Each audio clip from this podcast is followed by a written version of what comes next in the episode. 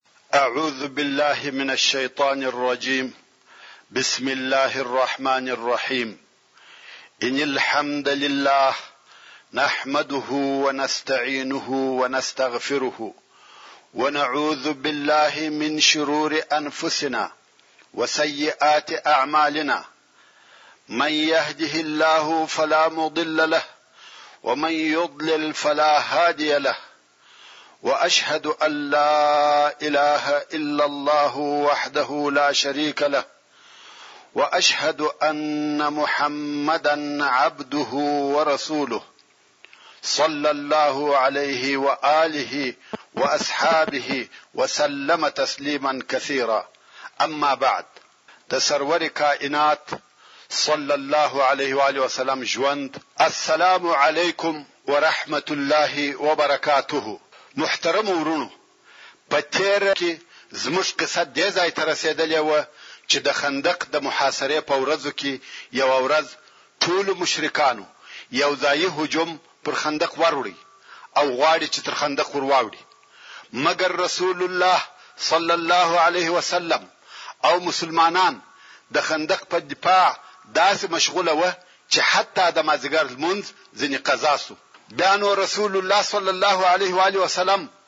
په موجودو اصحاب کرامو کې ژغ وکي چې ستاسو څخه چا د مازیګر لمونځ تر اوسه پورې نه دی کړی ډېر نفر پیدا شوه چې تر چې تر دغه وخته یې د مازیګر لمونځ نه و ادا کړی. اوس ماښام و، د مازیګر لمونځ د ډېرې مشغولتیا په سبب قضا شوی و. نو رسول الله صلی الله علیه و آله وسلم هغه نفر سره یو ځای کړه چې لمونځ ځینې پاتې شوی و. پس له اودس تازه کولو یې اول دمازیګر لمونځ په جماعت اداء کړئ او بیا یې د ماښام لمونځ اداء کړئ او دا د قضاء لمانځه طریقه ده که د یو چا څخه لمونځ قضاء سو نو به تر هغه بل وروستني لمانځه دمخه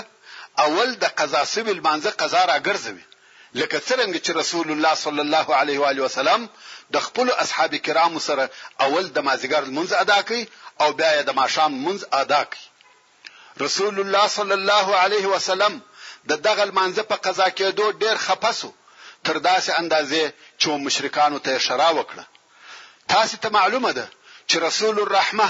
صلی الله علیه وسلم هیڅ کله و چاته شرا نه کول مګر په دغه ورځ و مشرکانو ته شرا وکړه امام بخاری ده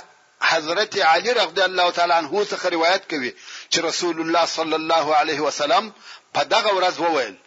الله جل جلاله دې د دوی کورونه او د دوی قبرونه د اور ور ډک کړي چې موږ یې تر لمر لوېدو پورې د مازیګر د لمانځه څخه مشغوله کړو د امام شافعي او امام احمد رحمهما الله په مسند کې راغلي دي چې مشرکانو په خپل حملو سره رسول الله صلی الله علیه و علیه وسلم د ماپشن مازیګر ماښام او ماخستن د منځو څخه مشغوله کړي او بیا او بیا یې ټوله یو ځای ادا کړه امام نووي رحمه الله د دغو احادیثو د تطبیق دپاره وايي چې د خندق محاصره یوه ورځ نه بلکې څو ورځې وه نو په ځینو ورځو کې هغسې پېښه شوې ده او په ځینو ورځو کې دغسې او د دغه ځای څخه موږ ته رامعلومیږي چې د مشرکانو دغه کوشش چې تر خندق ور واوړي او د مسلمانانو دغه پرلپسې پیرې او د مشرکانو منع کول څو ورځې سوي دي مګر دا چې د دوو لښکرو په مابین کې خندق حائل او جلا کوونکی وو نو مخ په مخ او خونړی جنګ نه دی پېښ شوی فقط د غشو ویشتل کېده او دغه د غشو په ویشتلو کې د دواړو طرفو څخه فقط د ګوتو په شمېر څو نفره وژل شوي دي چې شپږ یې د مسلمانانو څخه وه او لس نفره یې د مشرکانو څخه وه چې د مشرکانو په جمله کې دوه نفره په توره وژل شوي دي رسول الله صلی الله علیه وسلم ولیده چې محاصره ډیره شدیده او ډیره دوامداره ده نو یې داسې اراده وکړه چې دغه ډلې سره ماتې او متفرقې کې د دغه مقصد د پاره د غطفان و مشرانو ته چې عیینه ابن حسن او حارث ابن عوف و نفر ولېږل یوازې غطفان د کفارو په لښکر کې څلور زره نفره درلوده، یعنې تقریبا د کفارو نیم لښکر د غطفان څخه جوړ و، نو که چیرې هغه بیرته ولاړ شي لکه د کفارو نیم لښکر چې ولاړ شي او په کفارو کې بې اتفاقي جوړیږي. نو دغه د غطفان و مشرانو ته نفر ورغله چې رسول الله صلی الله علیه وسلم غواړي چې ستاسې سره وویني، هغه هم د رسول الله صلی الله علیه و آله وسلم سره په لیدلو او ملاقات کولو راضي شوه. اوس نو عیینه ابن حصن د نورو څلورو نفرو مشرانو سره د مسلمانانو و ځای ته ورغله او د کفارو په پټه د رسول الله صلی الله علیه و آله وسلم سره ملاقات وکړ. رسول الله صلی الله علیه وسلم د دوی سره د بیرته تګ په باره کې خبرې کوي چې تاسې ولاړ شئ موږ او قریش سره پرېږدئ هغو ویل ښه دی موږ بیرته ځو مګر د دغه رجوع په مقابل کې موږ ته چی راکوي رسول الله صلی الله علیه وسلم و فرمایل د مدینه منورې د میوو څلورمه حصہ درکو هغه ویلیا د یو کال د پاره به د ټوله مدینه میوې راکوي یو کال به د مدینې ټول حاصلات زموږ وي، نو موږ بیرته ځو. غطفان پوهېده چې دلته زموږ اوسېدل فایده نه کوي. مسلمانان په خندق ساتل شوي دي او موږ اصلا د غنیمتو لپاره راغلي یو، نو که دغه غنیمتونه مفت او بې له جنګه په لاس راشي، دا خو ډېر ښه کار دی. رسول الله صلی الله علیه وسلم ورته وویل، د یوه کال د میوو دریمه حصه درکوم او تاسې به ځئ. هغو ویل، یا. بحث روان و، څو په اخر کې دې نتیجې ته ورسېده چې د مدینې منورې د یوه کال نیمې میوې به دوی ته ورکوي او دوی به ځي. د احزابو څخه به جلا کیږي د رسول الله صلی الله علیه وسلم او عینه پر دغه اتفاق وسو خو رسول الله صلی الله علیه وسلم ورته وویل چې دغه اتفاق صحیح دی په دې شرط چې انصار یې قبول کړي ځکه میوې د انصارو د باغو او او د هغو ملک دي که د انصارو نه وه خوښه بیا نو اتفاق نشته. رسول الله صلی الله علیه وسلم سعد ابن معاذ رضی الله تعالی عنه او سعد ابن عباده رضی الله تعالی عنه راوغوښتل چې دغه چې دغه دوه نفره د انصارو مشران وه.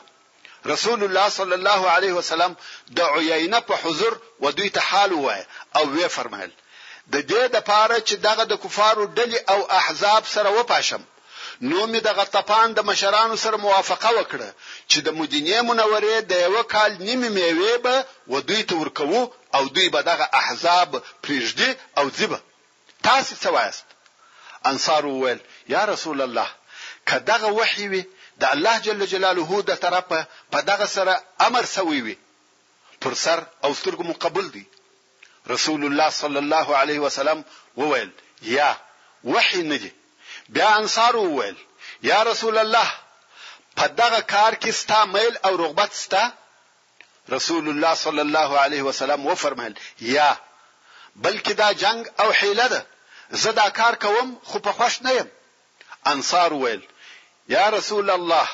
که دا فیصله د وحیو په واسطه وي موږ یې پر سر او سترګو منو، که وحی نه وي، ستا میل او غوښتنه دغسې وي، بیا هم موږ ستا رضا او خوښي غواړو. او که چیرې دا د جنګ او حیلې موضوع وي، نو یا رسول الله!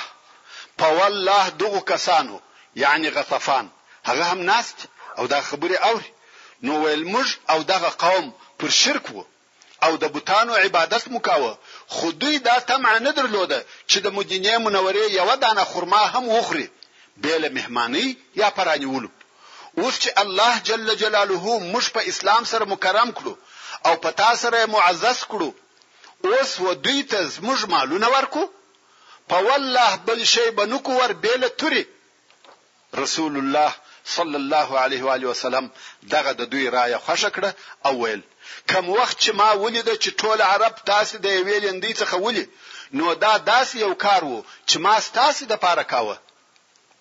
او بیا یې و عینه ته مخ ورواړاوه ویل یا عینه تا واورېده اتفاق نشته.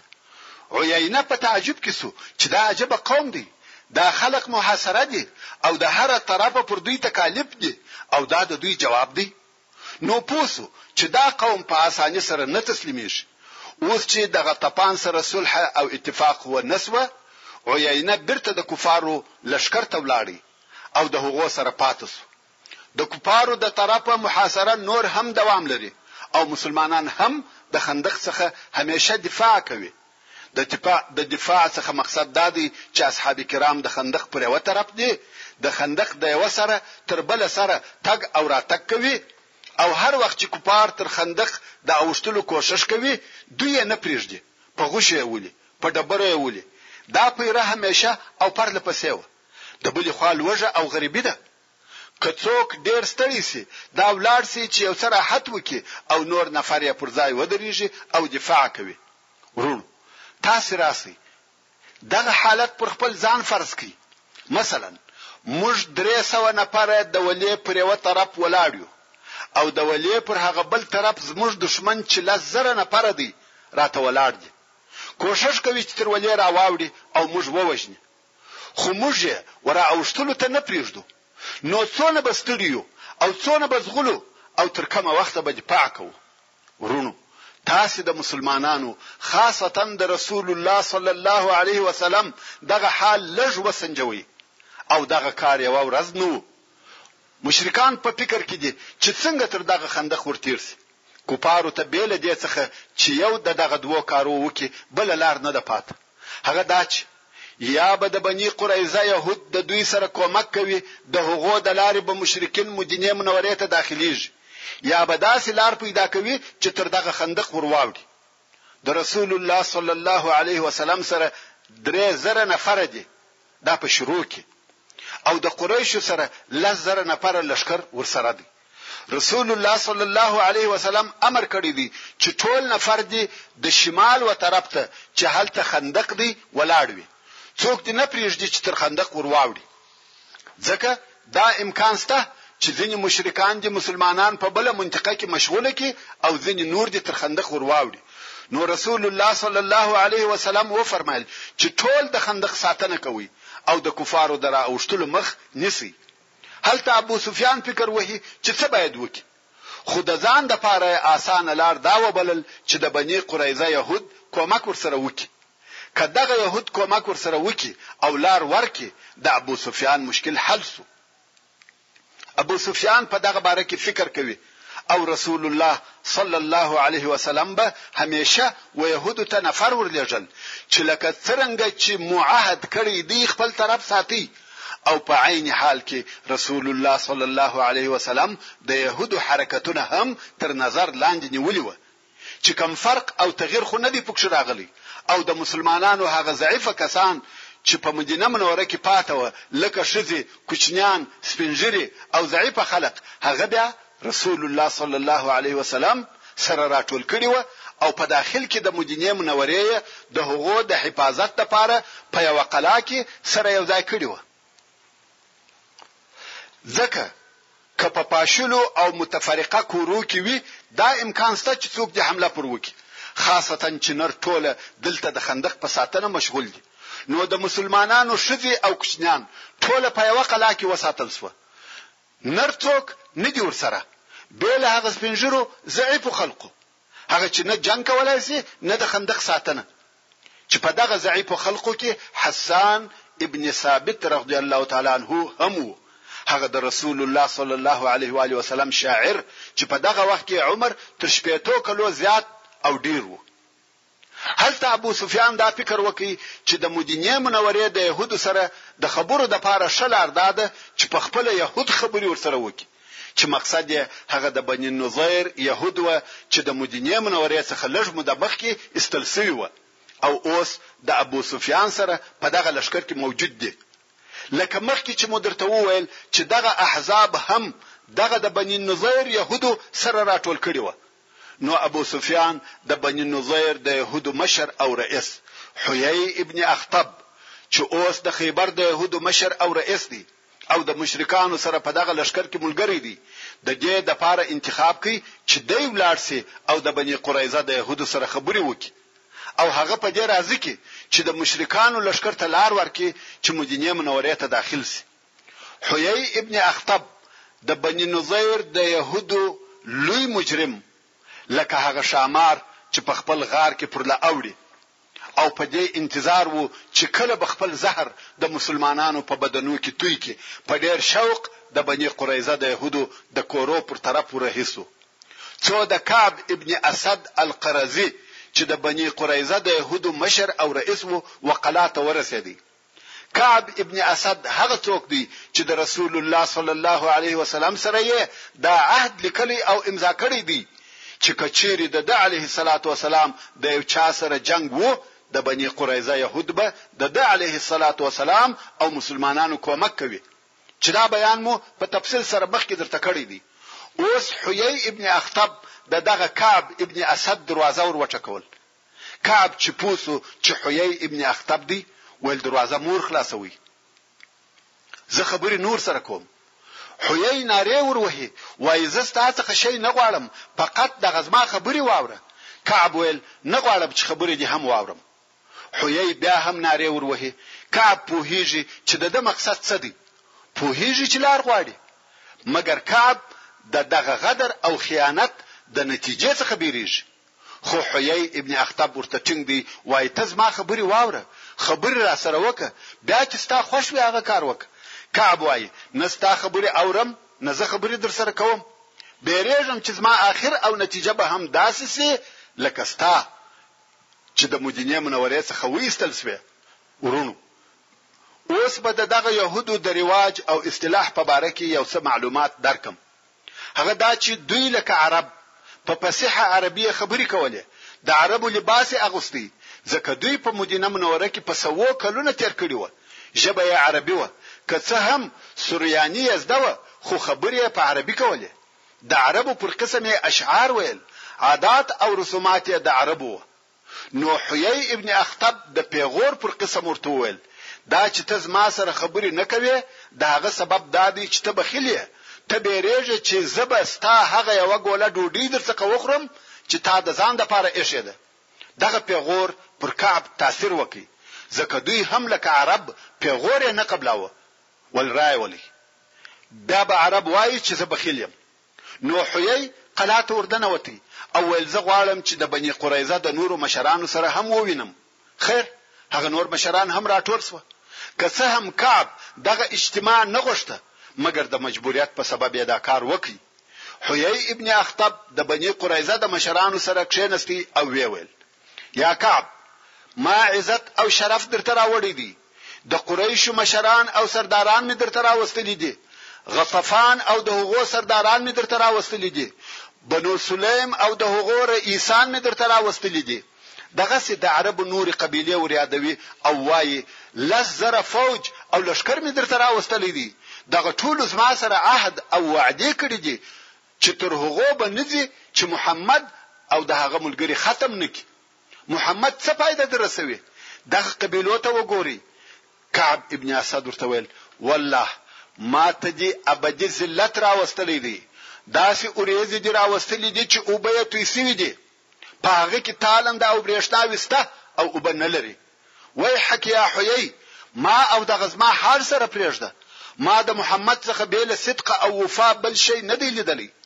مګر حویی نور هم کعب د شپیشتو پر درخت خیجاوه تر څو چی په الله سره یې دا عهد او وعده ورسره وکړه ویل که قریش او غطفان ولاړه او په محمد یې څه ونه کړه زما دې په الله سره قسم وی چی زه به ستا سره ستا په قلا کی پاته کیږم او هر څه چې تاته پیښېده ماته دې هم هغه را پیښ شي خو اوس دغه موقع د لاسه مور کوه دغه خبرې ورته کوي څو هغه هم موافقه ورسره وکړي او هغه عهد او وعده چې د رسول الله صلی الله علیه وسلم او د بنی قریظه د يهودو په مابین کې و هغه ماته کړه دغه عهد او وعده پر یوه ورقه نیوشته سوې وه، یهود ور ولاړ سوه، هغه کاغذ یې څیري کئ او اوس یې دا اراده وکړه چي په عملي ډول سره هغه عهدونه مات کړي چي په دې ډول سره د بني قریظه یهود د مسلمانانو پر ضد د مشرکانو ملګري سوه. وروڼو! الله عزوجل د سورة المائده په دوه اتیا نمبر آیات کې فرمایي، لتجدن اشد الناس عداوة للذین آمنوا اليهود والذین اشرکوا یعنی خامخا به د مؤمنانو سره په عداوت او دښمنۍ کې تر ټولو خلقو یهود ډېر سخت او شدید وي او هغه کسان به شدید وي چې مشرکان دي. نو د مسلمانانو اشد دشمنان اول يهود او بیا مشرکان سو د يهودو دشمني د اسلام او مسلمانانو سره همیشه او ابدي ده زموږ او د يهودو ابدي دشمني په کتاب الله سره ثابت ده او کنن ورځ یو څوک دا فکر کوي چې يهود او د هغو د لاس اله نصارا د مسلمانانو دوستان دي هغه څوک یا منافق د دوی د جملې څخه دی يا احمق دی الله جل جلاله دوی زموږ دشمنان بللي دي او دغه کسان یې دوستان بولي خیر يهودو د خپل عادت سره سم خپل عهد او میثاق مات کړ رسول الله صلی الله علیه و علیه وسلم ته خبر ورسېدی چې په يهودو کې غیر عادي حرکتونه لیدل کیږي لکه څنګه چې مخکې مو درته وویل چې رسول الله صلی الله علیه وسلم استخبارات درلوده چې حالات به ورته راوړل نو رسول الله صلی الله علیه وسلم پوه سو چې يهود غیر طبیعي حرکتونه کوي ځانونه وجنګ ته تیاروي رسول الله صلی الله علیه وسلم سعد ابن معاذ سعد ابن عباده چې دغه دوه د انصارو مشران و او عبد الله ابن رواحه او خوات ابن جبیر و يهود تور ولېږل ویل ولاړ سي وګوري چې دغه خبر چې د دغه قوم په باره کې ماته را رسېدلی دی صحیح دی که یا که پوه سواست چې یهود پر خپل عهد ولاړ دي نو دا خبره په ښکاره وکړي او ټول مسلمانان په خبر کړي چې خلق ثابته پاتې سي یعنی دغه درې زره نفر چې د رسول الله صلی الله علیه و علیه وسلم سره دي مطمئن سي او کې وعده ماته کړې و نو ځخ ملري صرف ماته یو اشاره وکي زه پوهېږم اوس چې دغه دوه نفره د انصارو مشران د هغه دوو نفرو په ملګرتیا د بني قریظه و یهودو ته ورغله، د خبرو غوښتنه غوښتنه یې وکړه، غواړي چې خبرې ورسره وکړي، مګر د بني قریظه مشرانو د خبرو په عوض کې ښکنځل او بد ویل کول. دغه نفر ورته وویل، هغه عهد چې ستاسې او د رسول الله صلی الله علیه وسلم په مابین کې وو، یهود ویل رسول الله څوک دی زموږ او محمد په مابین کې نه عهد سته نه عقد په ښکاره وویل چې دوی عهد او وعده مات کړی دي سعد ابن عباده رضی الله تعالی عنه و دوی ته په بدویلو شروع وکړه مګر سعد ابن عباد مګر سعد ابن معاذ رضی الله تعالی عنه منع کاوه او ویل یا سعد! هغه شی چې زموږ او د دوی په مابین کې دی هغه تر ښکنځلو او بد ویلو لوی دی. زموږ او د دوی په مابین کې فقط د خولې خبرې نه دي، بلکې تر دغه لوړ کارونه دي. نو د انصارو ډله بیرته ورسول الله صلی الله علیه وسلم ته ورغله. کوم وخت چې هلته ورسیده، رسول الله صلی الله علیه وسلم پوښتنه ځینې وکړه چې څه خبر وو؟ دوی ویل یا رسول الله عضل او قاره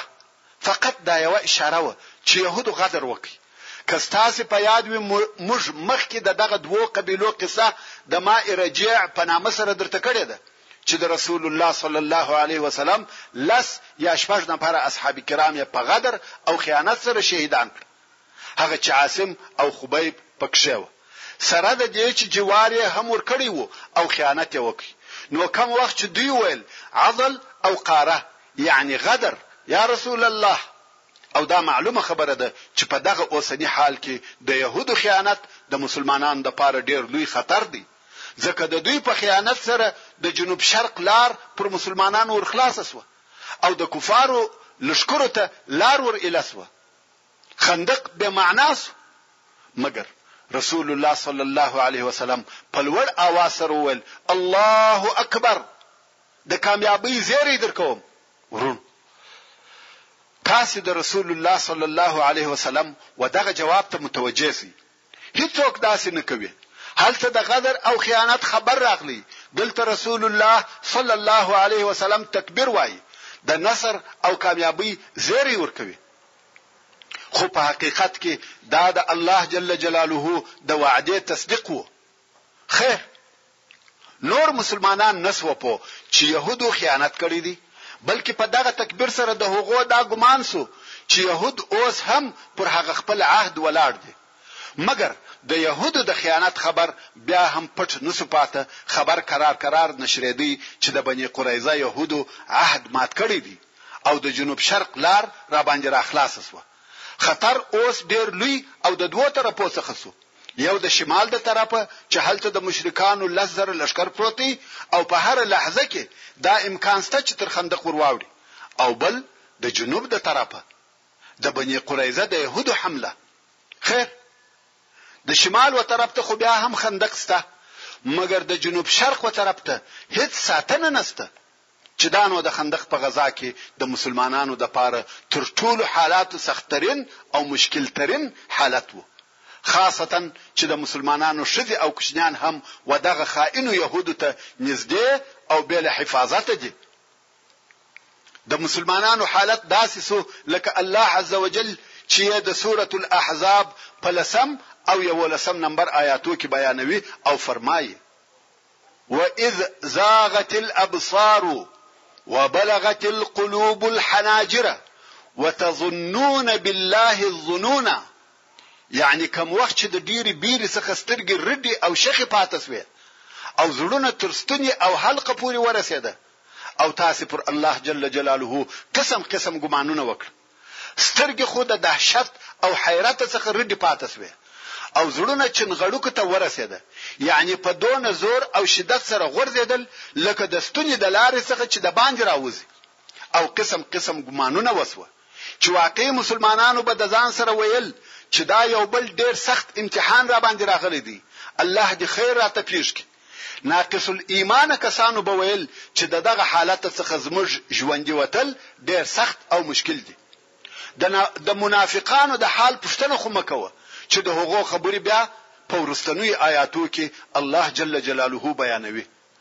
هنالک ابتلی المؤمنون وزلزلوا زلزالا شدیدا په دغه وخت کې مؤمنان امتحان کړه سوه او په سخت رېږدېدلو سره ورېږدول شوه، په دغه کيفيت سره منافقان او مؤمنان سره جلا کړه شوه، د منافقانو څخه د نفاق خبرې کېدلې، حتی ځينو منافقانو به ويل، محمد صلی الله عليه وسلم موږ ته د قيصر او کسرا په خزانو وعدې راکوي او نن ورځ زموږ څخه يو څوک دا قدرت نه لري چې په اطمينان سره دې د قضاء حاجت لپاره ولاړ شي، او ځینو بیا په عام مجلس او د خلقو په حضور دا اجازه غوښته چې خپلو کورو ته ولاړ شي او دوی به رسول الله صلی الله علیه و آله وسلم ته ویل موږ ته اجازه وکړه چې موږ خپلو کورو ته ولاړ شو زموږ کورونه تر مدینې منورې د باندې دي موږ پر بیریږو چې يهود حمله پر ونه کړي حتی په بنو سلمه کې هم د تیښتې اراده پیدا شوه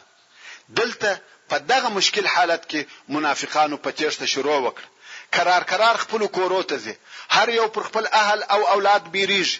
رسول الله صلی الله علیه وسلم یې تقریبا یوازې پرېښاوه، حتی د واقعي مسلمانانو ډېر نفر د یهودو د دغه خیانت په اورېدلو وبېرېده. او ډېر صادق مسلمانان د منافقینو د دغه تېښتې تر تاثیر لاندې شوه او دوی هم لاړه اوس د رسول الله صلی الله علیه وسلم سره د هغه درو زر نفرو څخه فقط درې سوه نفره پاته دي تاسې دغه خلل او تاوان ته وګورئ چې د بني قریظه د یهودو د خیانت په سبب د مسلمانانو ولښکر ته پیښ شو د هغه درو زرو نفرو څخه چې خندق یې ساتی او پیره یې کول اوس فقط درې سوه نفره پاته شوه او نور ټول خپلو کورو ته ولاړه غواړي چې کورونه وساتي اوس چې یهودو عهد مات کړي غواړي چې جنګي اقدامات او تجاوزونه وکړي نو هغه اول شی چې د هغه په باره کې فکر وکړي هغه دا و چې ویل تر ټولو د مخه به د مسلمانانو ښځې او کوچنیان واخلو ځکه دوی خبر وه چې رسول الله صلی الله علیه وسلم هلته دننه په مدینه منوره کې ښځې او کوچنیان په یوه قلا کې پرې ایښي دي او مسلمانان د باندې خندق ساتي نو يهود ویل وبګورو چې رسول الله صلی الله علیه وسلم د دغه شذو او کوچنیانو د ساتنې لپاره کم جنگي خلق او پیره پرې ایښي دي کیا که څوک نه وه پرې ایښي فقط ښځې او کوچنیان وه حمله به پر وکړو او دا به زموږ دپاره اول غنیمت وي چې ښځې، مینځیانې او هلکان مریان دي. وروڼو! حالات ډېر خطرناک دي. واقعا هم په قلعه کې بې له ښځو او کوچنیانو بل څوک نشته ځکه ټول مسلمانان هلته د رسول الله صلی الله علیه وسلم سره د خندق ساتنه کوي. نو یهودو څو نفره جاسوسان د معلومات لپاره ولیږل چې ولاړ شئ وګورئ چې په قلا کې د ساتنې لپاره څوک شته که یا. دغه نفر نږدې و قلا ته ورغله ویې لیده چې په قلا کې ښځې دي دې خوا ها خوا ته ځي نر نه معلومیږي بیا دغو نفرو د خپل مابین څخه یو نفر ور ولېږي چې ته ښه ورنږدې سه او پوره معلومات وکړه چې څوک خو به نه وي دلته نو صفیه بنت عبدالمطلب د رسول الله صلی الله علیه وسلم عمه و دغه یهودي ته متوجه سوه او اوس به قصه په خپله و صفیه رضی الله تعالی عنها ته پریږدو صفیه رضی الله تعالی عنها وای د يهودو یو سړی می ولیدی چې شاوخوا پر قلا راګرځي او دا داسې وخت دی چې د بني قریظه یهودو د رسول الله صلی الله علیه وسلم سره هغه خپل عهد مات کړی دی او دلته هم په قلا کې داسې څوک نسته چې زموږ دفاع وکړي رسول الله صلی الله علیه و علیه وسلم او نور مسلمانان د دشمن مخ ته ولاړ دي کدلته یو څوک پر موږ حمله وکړي مسلمانان د هغه خپل مشغولتیا په سبب موږ ته نسراتلای نو وايي، وحسان ابن ثابت رضی الله تعالی عنه ته ورغلم چې هغه هم زموږ سره په دغه قلا کې وو او ورته مې ویل، یا حسان! دغه یهودي لکه څرنګه چې تې وینې شا او خوا پر قلا راګرځي او په والله زه د مسلمانانو پر ناموس د یهودو د طرفه نه یم مطمئنه. که دغه یهودي و نورو یهودو ته خبر وروړي ممکن حمله را باندې وکړي رسول الله صلی الله علیه وسلم او مسلمانان هم هلته د خندق په ساتنه مشغول دي نو ورکښته سه دغه سړی ووجنه حسان ورته ویل په والله ته پوهیږې چې زه د دغه کار نه یم صفیه وایي نو مې په خپل د يهودي د وجلو اراده وکړه د قلا څخه مې یو لرګی را سره واخیستی او ورکښته سوم دغه یهودي ته پټه شوم. کوم وخت چې یهودي زما و برابرۍ ته راورسېدی، په لرګي مې پر سر وواهه. سړی غوځار شو او تر هغو مې واهه چې ومې وژي. بېرته و قلا ته راغلم او حسان ته مې وویل چې ورشه، د دغه سړي سامان واخله. ما په دې سبب نه واخیستی چې دی نر و. حسان ویل، زه د ده و سامان ته ضرورت نه لرم. نو صفیه رضی الله تعالی عنها ورغله، د سړي سر یې ور پرې کړ. وروڼو تاسې ښه متوجه شئ دا د ښځې ایمان، شجاعت، تدبیر او عمل وو. د سړي سر یې پرې کړ او لوړ وقلا ته وختل،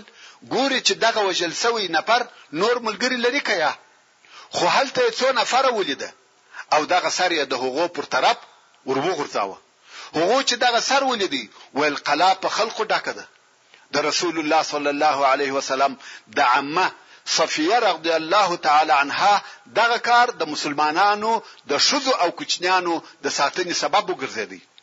يهودو دا فکر وکړي چې په قلا کې ډېر جنگي خلک سته حال دا چې قلا په کلي ډول د نورو څخه خالی و او دوهم وار یې د دغسې عمل پر کولو اقدام او جرأت ونه کړ، د مسلما مسلمانه ښځه دغسې ایمانداره، دلاوره او با تدبیره وي، نه دا چې عمر یې په پېشن او درشن، په غیبتو او لغازو تېرېږي. دغه صفیه رضی الله عنها وه چې خپل زوی زبیر ابن العوام رضی الله تعالی عنه یې فارس او جنګي قهرمان تربیه کړ. زبیر رضی الله تعالی عنه چې کوچنی و، دې به په یوه تاریک ځای کې یوازې پرېښاوه، که به هغه ژړل دې به واهه، خلقو به دا ملامتول چه هغه کوچنی دی او ته ظلم ورسره کوې دی به ویل زه یې داسې تربیه کوم چه فارس دین جوړ شي د فارس څخه مقصد جنګي پهلوان او شجاع دی نو رشتیا هم د زبیر څخه زبیر ابن العوام رضی الله تعالی عنه جوړ شو صفیه داسې نه وه لکه د نن ورځې ښځې چې خپل اولادونه بېرېدونکي او نازولي، پاسته او نازک تربیه کوي. هېڅکله داسې نه وه. خوندو، دا مسئله د تربیې مسئله ده. زه نه وایم چې د خپلو اولادو سره محبت مه کوئ، بلکې خپل اولادونه شجاع او دلاوره تربیه کړئ. تاسې نه ګورئ چې د صفیې په شجاعت او دلاوري پوره قلا وساتل شوه؟ تاسې فکر وکړئ که دا دغه کار ونه کړي نو څه پېښېږي؟ ښه خیر. هلته پر مسلمانانو محاصره ډېره سخته شوه.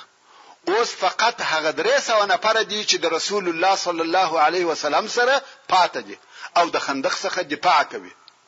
پر مسلمانانو ډیر فشار راغلی کفار غواړي چې تر خندق ور واوړي او مسلمانان یې نه پریږدي دفاع کوي او هلته بني قریظه د جنگ د پاره ځانونه تیاروي چې د جنوب د طرفه پر مسلمانانو حمله وکړي څوک نه خبر و او نه پوهېده چې دشمن به د کومه ځای څخه را باندې راسي ځینې مسلمانان به یو وخت د ضرورتو د پوره کولو لپاره کورو ته تله بیا به بیرته راتله چې په دغه جمله کې سعد ابن معاذ رضی الله تعالی عنه یو وخت کور ته ولاړی او هلته ام المؤمنین حضرت عائشه رضی الله تعالی عنها ولیدي چې سعد رضی الله تعالی عنه زغره اغوستې ده توره او سپر ورسره دي د میدان جنګ سړی دی خو بد بختانه دغه زغره چې ده اغوستې وه دا صحیح زغره نه وه زړه او پر ځګر سری وه ځګر یې ښکاره و سبحان الله د مسلمان زړه دی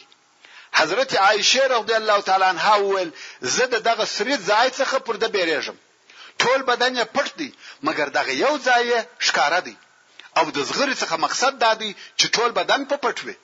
مګر صحابه کرام غریبان وه د نیستۍ په سبب یې دغه زړه زغره اغوستې وه خیر سعد ابن معاذ رضی الله تعالی عنه بیرته خندق ته ولاړی او هلته د کفارو د طرفه غشي ویشتل شروع سو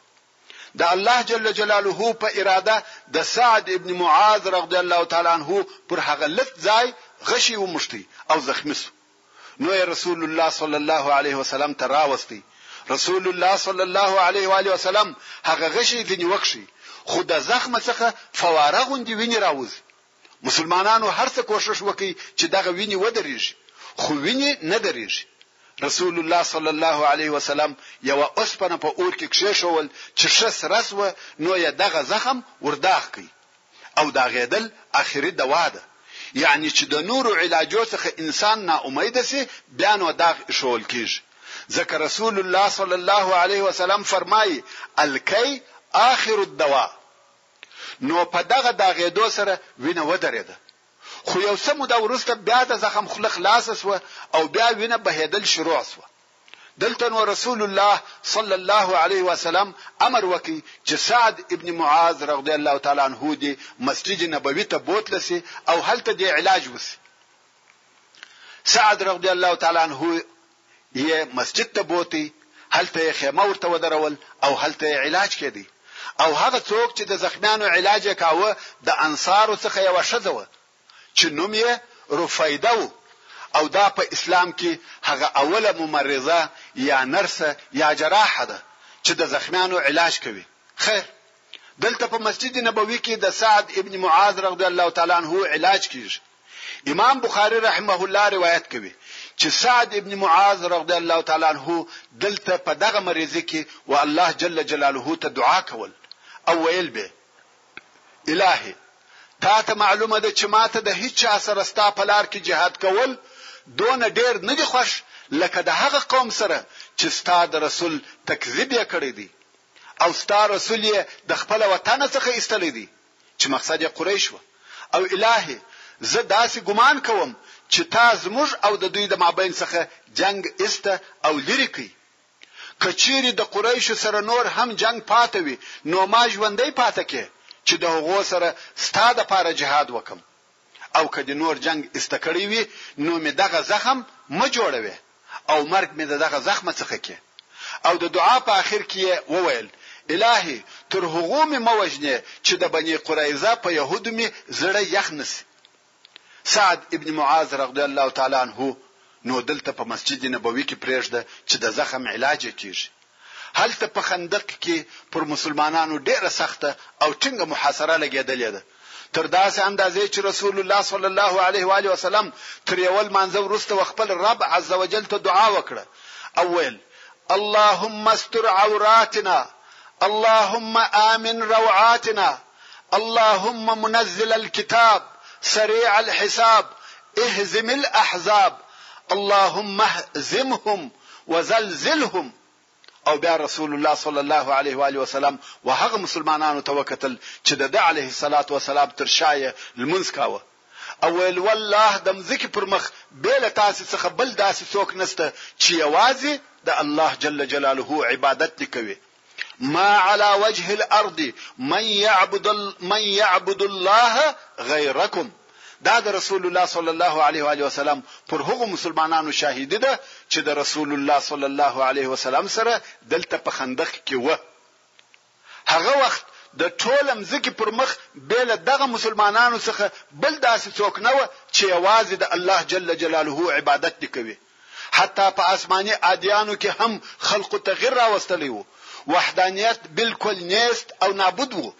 الله عز وجل د رسول الله صلی الله علیه و آله وسلم او مسلمانانو دعا قبوله کړه، الله عز وجل په خپل قدرت داسې یو کار جوړ کړ چې د هغه په واسطه دښمن ذلیل شو او ډلې یې سره وپاشل شوې، هغه داسې. نعیم ابن مسعود ابن عامر الاشجعي چې اصلا د غطفان د قبیلو څخه وو او په مکه مکرمه کې اوسېدی کافر او مشرک او د کفارو ملګری وو په دغه لحظو کې الله عزوجل د هغه په زړه کې ایمان ور واچاوه ورونو! ښه فکر وکړئ، په دغه لحظه کې چې مسلمانان په بېره، خوف او محاصره کې دي، شمېر یې لږ او ضعیف دي، ایا د دښمن د طرفه څخه یو څوک مسلمانېږي؟ د دغه نعیم اسلام په خپله یوه معجزه ده،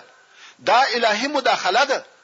مسلمانان محاصره دي، په مرګ محکوم دي، په هره لحظه کې دا امکان شته چې فنا کوونکې حمله دې پر وشي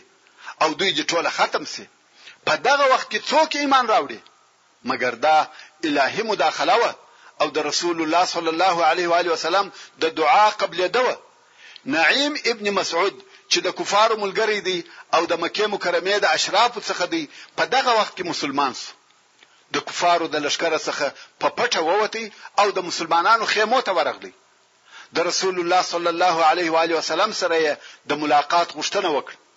د رسول الله صلی الله علیه وسلم سره کښینستی او ویل یا رسول الله زه شاهدی ادا کوم چې لا اله الا الله وانک رسول الله او نعیم ویل چې زما په اسلام بیل تاسو بل هیڅوک نه دی خبر نو امر کوه څه وکم رسول الله صلی الله علیه وسلم وفرمایل یا نعیم ته یو نفر یې زموږ سره په لشکر کې ستا وجود موږ نه زیاتوي موږ درې سوه نفر یو په تا به درې سوه او یو نفر سو کم فرق یې ونه کړي او دشمن لس زره نفر دی نو که د په وسه پوره وي چې دوی سره وپاشه او موږ د دې حمله څخه خلاص سو دغه دغه کار وکړه نعیم ویل، یا رسول الله! د دغه کار د پاره یې باید ووایم، یعنې د دوی د پاشلو د پاره مجبور یم چې درواغ ووایم، رسول الله صلی الله علیه و آله وسلم وفرمایل، ویې وایه،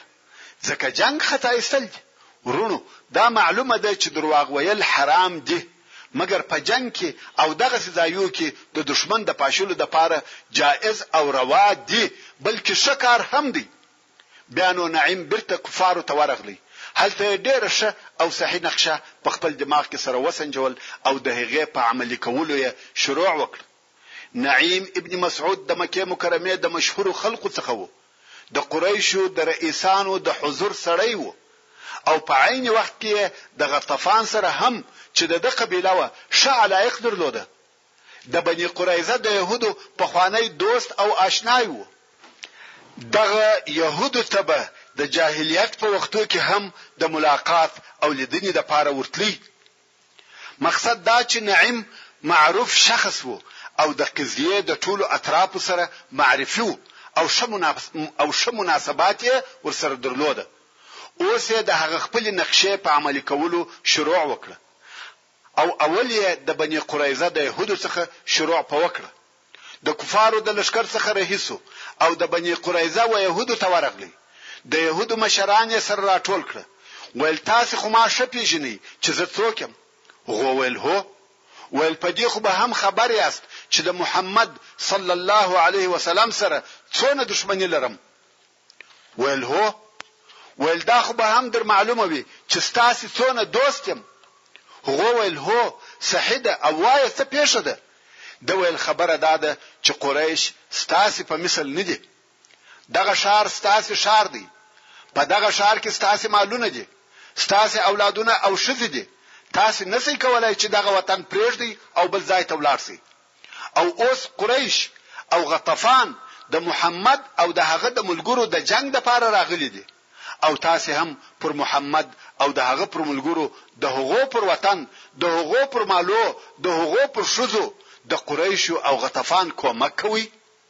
اوس نو که قریش او غطفان د چور او حملې موقع پیدا کړه خو حمله به پر وکړي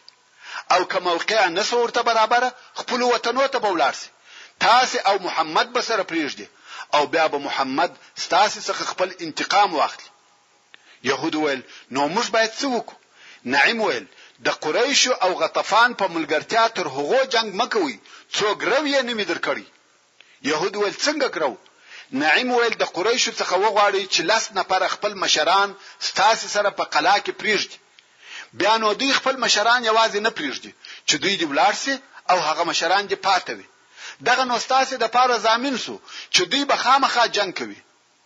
یهود ویل دا ښه فکر دی. نعیم د یهودو څخه رهي سو او د کفارو لښکر ته ورغلی دلته یې د قریشو د مشرانو څخه د ملاقات غوښتنه وکړه. هغو ویل څه پېښه ده؟ نعیم ویل تاسې راټول شئ زه به مو خبر کړم. د قریشو مشران لکه ابو سفیان او نور سره راټول شو. نعیم ورته کښېنست. ویل تاسې خو ما پېژنئ چې زه څوک یم؟ ویل هو. ویل دا به هم در معلومه وي چې د محمد څونه دښمن یم. ویل په دې کې هیڅ شک نشته. ځکه نعیم چې د اصله مشرک و او اوس پنځه څلوېښت ورځې کېږي چې د کفارو سره دی. که دی د محمد صلی الله علیه وسلم د کومکیانو څخه وای نو به د مسلمانانو سره جنګ نه کولای د کفارو پر نعیم پوره اعتماد وو